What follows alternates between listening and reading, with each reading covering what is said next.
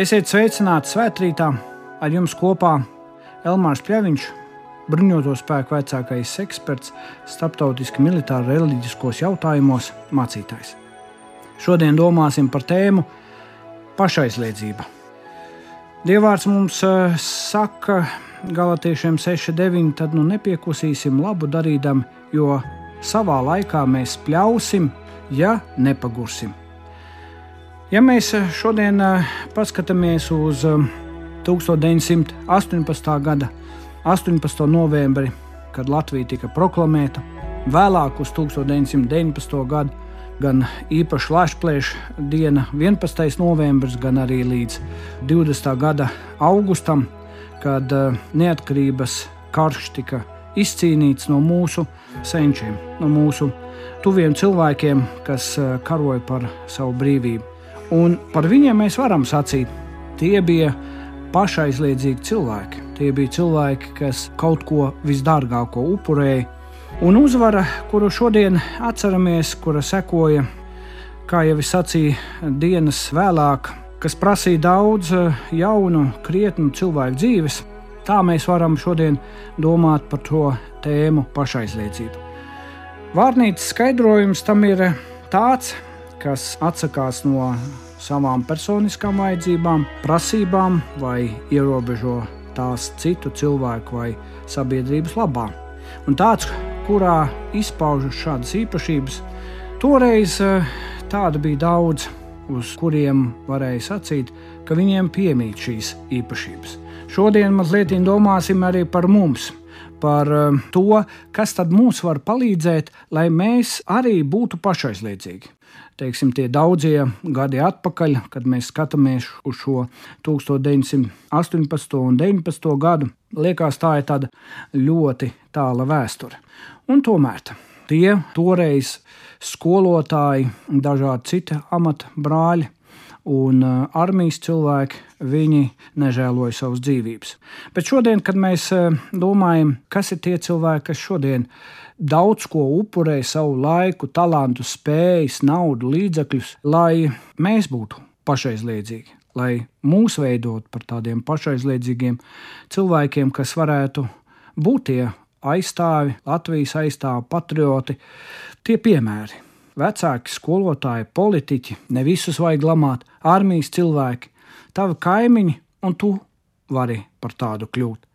Pat uh, sākot ar to, ka pasaki paldies saviem skolotājiem, nepaiet garām tiem arī savā ikdienā, un tāpat saviem vecākiem, kuri pašaizliedzīgi tevi audzinājuši, mīlējuši, pat neko atpakaļ neprasot. Un pāri visam, protams, ka mums šajā svētkrītā jādomā par Dievu doto piemēru, kas parādās caur Jēzu Kristu un eh, viņa atnākšanu uz zemi, lai parādītu šo pašaizliedzīgo piemēru, upurēt sevi par mums visiem. Un Jāņa 3.16. jo tik ļoti Dievs pasauli mīlējis, ka viņš devis savu vienpiedzimušo dēlu, ka ik viens, kas uz viņu tic, nepazustu, bet iegūtu mūžīgo dzīvību. Nu, tas ir tas, ko Dievs mums ir darījis. Viņš tik ļoti mūs ir mīlējis, ka šīs mīlestības rezultātā viņš arī bijis pašaizliecīgs. Un par to mēs vēl domāsim. Otra lieta, par ko mēs domāsim, tie ir apstākļi. Dažkārt mēs nemaz nezinām par savām reālām spējām un dotībām, dzīvojam savu ikdienas dzīvi, māja, darbs, bērnu dārsts, skola, bet pienāk apstākļi, ka tev ir jāiziet no saviem komforta apstākļiem, un vai uz to tu būsi gatavs.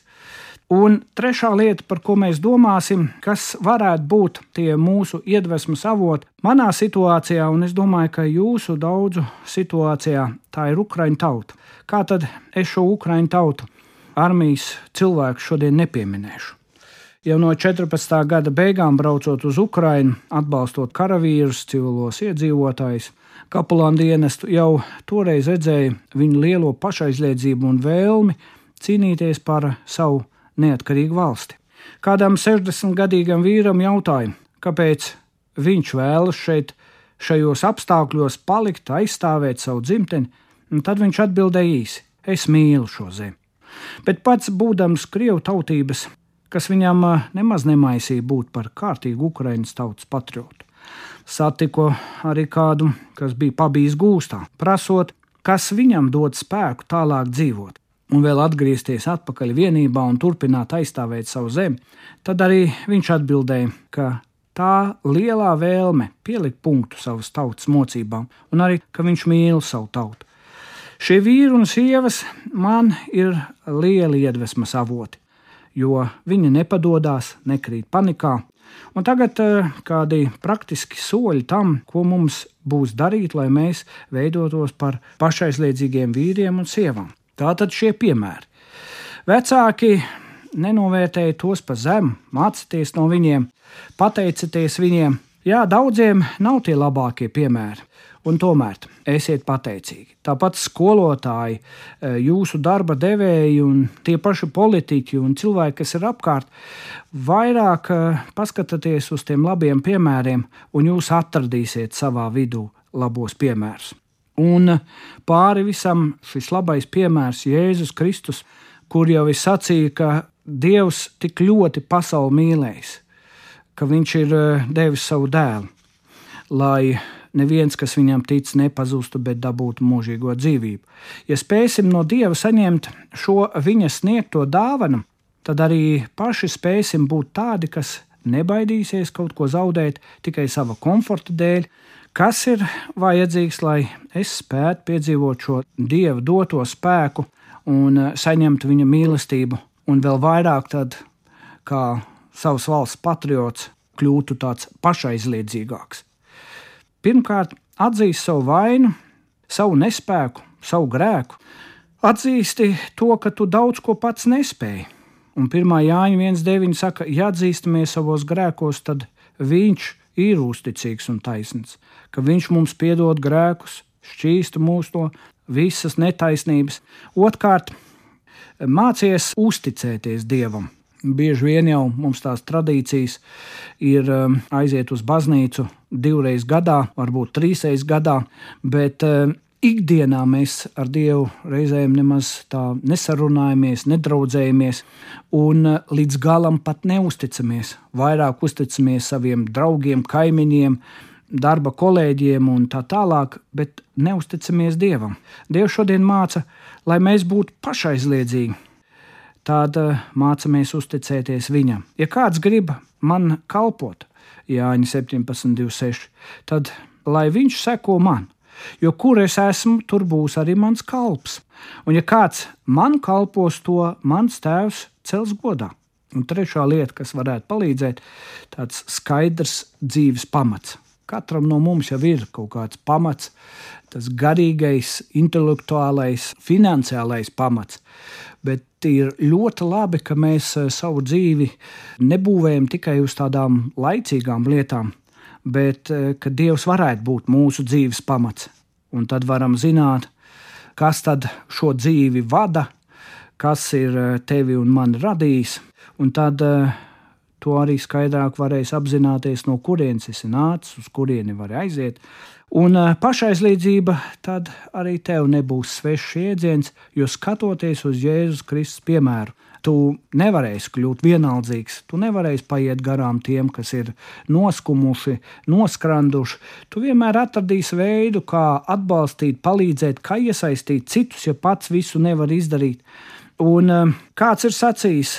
Pasaule rāda mums sudrabainu ekrānu, kurā ņirb kaisles un romantikas tēli, un saka, tā ir mīlestība. Dievs mūs aizved krusta pakājē, pie kura karājas kails un asiņains cilvēks, un saka, tā ir mīlestība. Dievs vienmēr definē mīlestību, norādot uz savu dēlu. Vārds kļuva miesa un mājoja mūsu vidū, lai dotu mums atskaites punktu dzīvu, elpojošu, revolucionāru piemēru īstai mīlestībai. Kristus pretinde patmīlības indei ir krusts. Un, ja kas grib man sekot, ja es teicu, tam būs sevi aizliegt, ņemt savu krustu un sekot man, Matei 16,24. Izvēlies pareizi savu dzīves pamatu, atklāji savu nespēku un mācies uzticēties, un tad arī Dievs tev tālāk vadīs.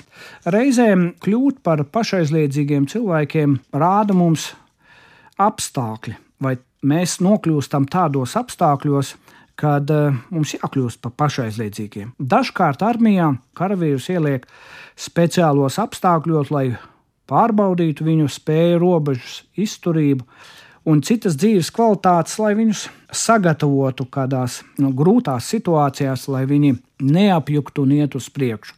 Un reizē arī paliktu pašaizliedzīgi un nedomā tikai par sevi, bet arī par citiem. Bet reizēm dzīve mūs ieliek tādos apstākļos, kas liek pārskatīt mūsu vērtības, skatījumu uz dzīvi, kuru mans es ies mazumā, un sākšu vairāk domāt par to, ko varu dot citiem, un mācīšos sev aizliegt, jo citādi vairs nespēju dzīvot šajos jaunajos apstākļos. Un trešā lieta, kas eh, var mums palīdzēt no jauna atcerēties gan mūsu tautas notikumus šajā 18. gadā un 19. gadā, gan to, ko mūsu senči ir izdarījuši un kā viņi ir gājuši cauri arī okupācijas gadiem, tad eh, mēs varam paskatīties šodien uz eh, esošiem situācijām, uz Ukraiņas tautu. Tas, ka mēs daudzi no rīta ceļamies ar ziņām par Ukraiņu, ejam gulēt ar jaunāko informāciju, tas vēl neko nedod. Ja tu neesi atradis veidu, kā paņemt no tā, kas notiek Ukraiņā, un paņemt to labāko. Nevis eh, paņemt izmisumu, bēdas, naidu, sev līdzi, bet paņemt to vēlmi izdzīvot, to vēlmi palikt mierā, neatkarīgi no apstākļiem. Un kas tad viņus ir uh, iedvesmojuši? Tā ir tā cīņa par brīvību. Kas tevi iedvesmo? Varbūt uh, Ukraiņas prezidenta attieksme, varbūt uh, šie karavīri, kurus tu reizēm redzēji gan televīzijas ekrānos, gan uh, lasi internetu ziņās, kā viņi ir cīnījušies, kā viņi joprojām cīnās par savu zemi, kā viņi aizstāv savus mīļos un tuvos cilvēkus. Varbūt tevi iedvesmo tās sievietes, kuras e, tapa izvarotas, un tomēr viņām ir spēks piecelties, viņas iet tālāk un viņas nepadodas.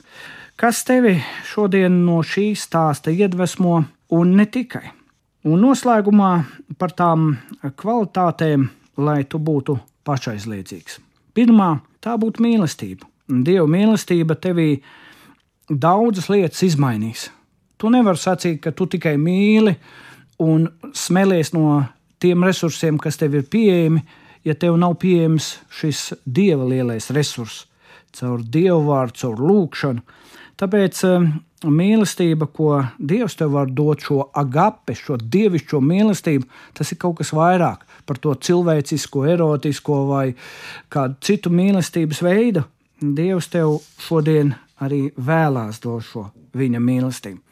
Paņem, saņem, un ej uz priekšu šajā mīlestībā un dievu mierā. Otra lieta, kas tev uh, var palīdzēt būt pašaizliedzīgam, tās ir vērtības. Nevelti Dievs ir atstājis desmit baukļus, devis uh, tos kā dzīves pamatu. Ja nevēlēsies tos pildīt savā ikdienā, tad arī dzīvē nespēs būt pašaizliedzīgs. Pārdomā šīs vērtības.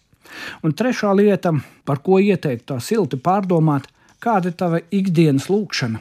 Vai tu lūdz Dievam tikai kādas lietas, tad, kad tev kaut ko vajag, vai arī tad, kad tu pats neko vairs nevari izdarīt? Un tad tu nāc tādā izmisumā pie Dieva. Mans ieteikums būtu, ka tu ikdienā mācies lūgt Dievam ar pateicību, ar tādu pareizu skatījumu, Jo vairāk tu lūksi, jo mazāk tu kurnēsi, jo vairāk tu lūksi, jo mazāk tu būsi egoistisks un vērsts tikai uz sevi, jo vairāk būsi pašaizliecīgs. Ehards eh, ir sacījis tā, cilvēki, kas meklē mieru lietās, vietās, cilvēkos, aktivitātēs, vai arī bēgšanā no pasaules, nabadzībā un pazemībā, lai kas tas arī nebūtu par virzienu, viņi meklē veltīgi. Jo šādā veidā miers nav atrodams, bet līdz ko viņi aizliegtu sevi, tad arī kas, lai viņiem nebūtu bagātība, slava vai kas cits, viņi joprojām būtu brīvi no tā visa. Lai Dievs tevi sargā un svētī, un eh, lūgsim Dievu. Dievs, es tev pateicos, ka tu esi mani brīnišķīgi radījis un radījis kādam mērķim Nevis lai es šo dzīvi nodzīvotu tikai sev, savam vaļaspriekam, hobijiem, bet spētu saprast, kāds ir tavs prāts, grība manai dzīvei. Palīdz man piedzīvot no jauna tavu mīlestību un prieku, un spētu būt pašaizliedzīgs, ka nepaieju garām tiem, kas ir trūkumā, kas ir nonākuši bēdās un grūtībās, ka tiem spētu pasniegt savu roku, ka man vienmēr atrodas īstie vārdi, ko pateikt tiem, kam vairs nav ko teikt. Un visu neizteikto vēlamies mēs pateikt tavos atstātajos vārdos. Mūsu Tēvs debesīs, svētīts lai top tavs vārds, lai nāk tava valstība, tavs prāts, lai notiek kā debesīs, tā arī virs zemes. Mūsu dienas šo maizi dodi mums šodien, un piedodi mums mūsu parādus, kā arī mēs piedodam saviem parādniekiem, un neieved mūsu kārdināšanā, bet atpestī mūs no ļauna, jo tev pieder valstība, spēks un gods mūžīgi mūžos. Āmen! Ar jums kopā svētrītā bija bruņoto spēku vecākais eksperts, mācītājs Elmārs Pļaviņš.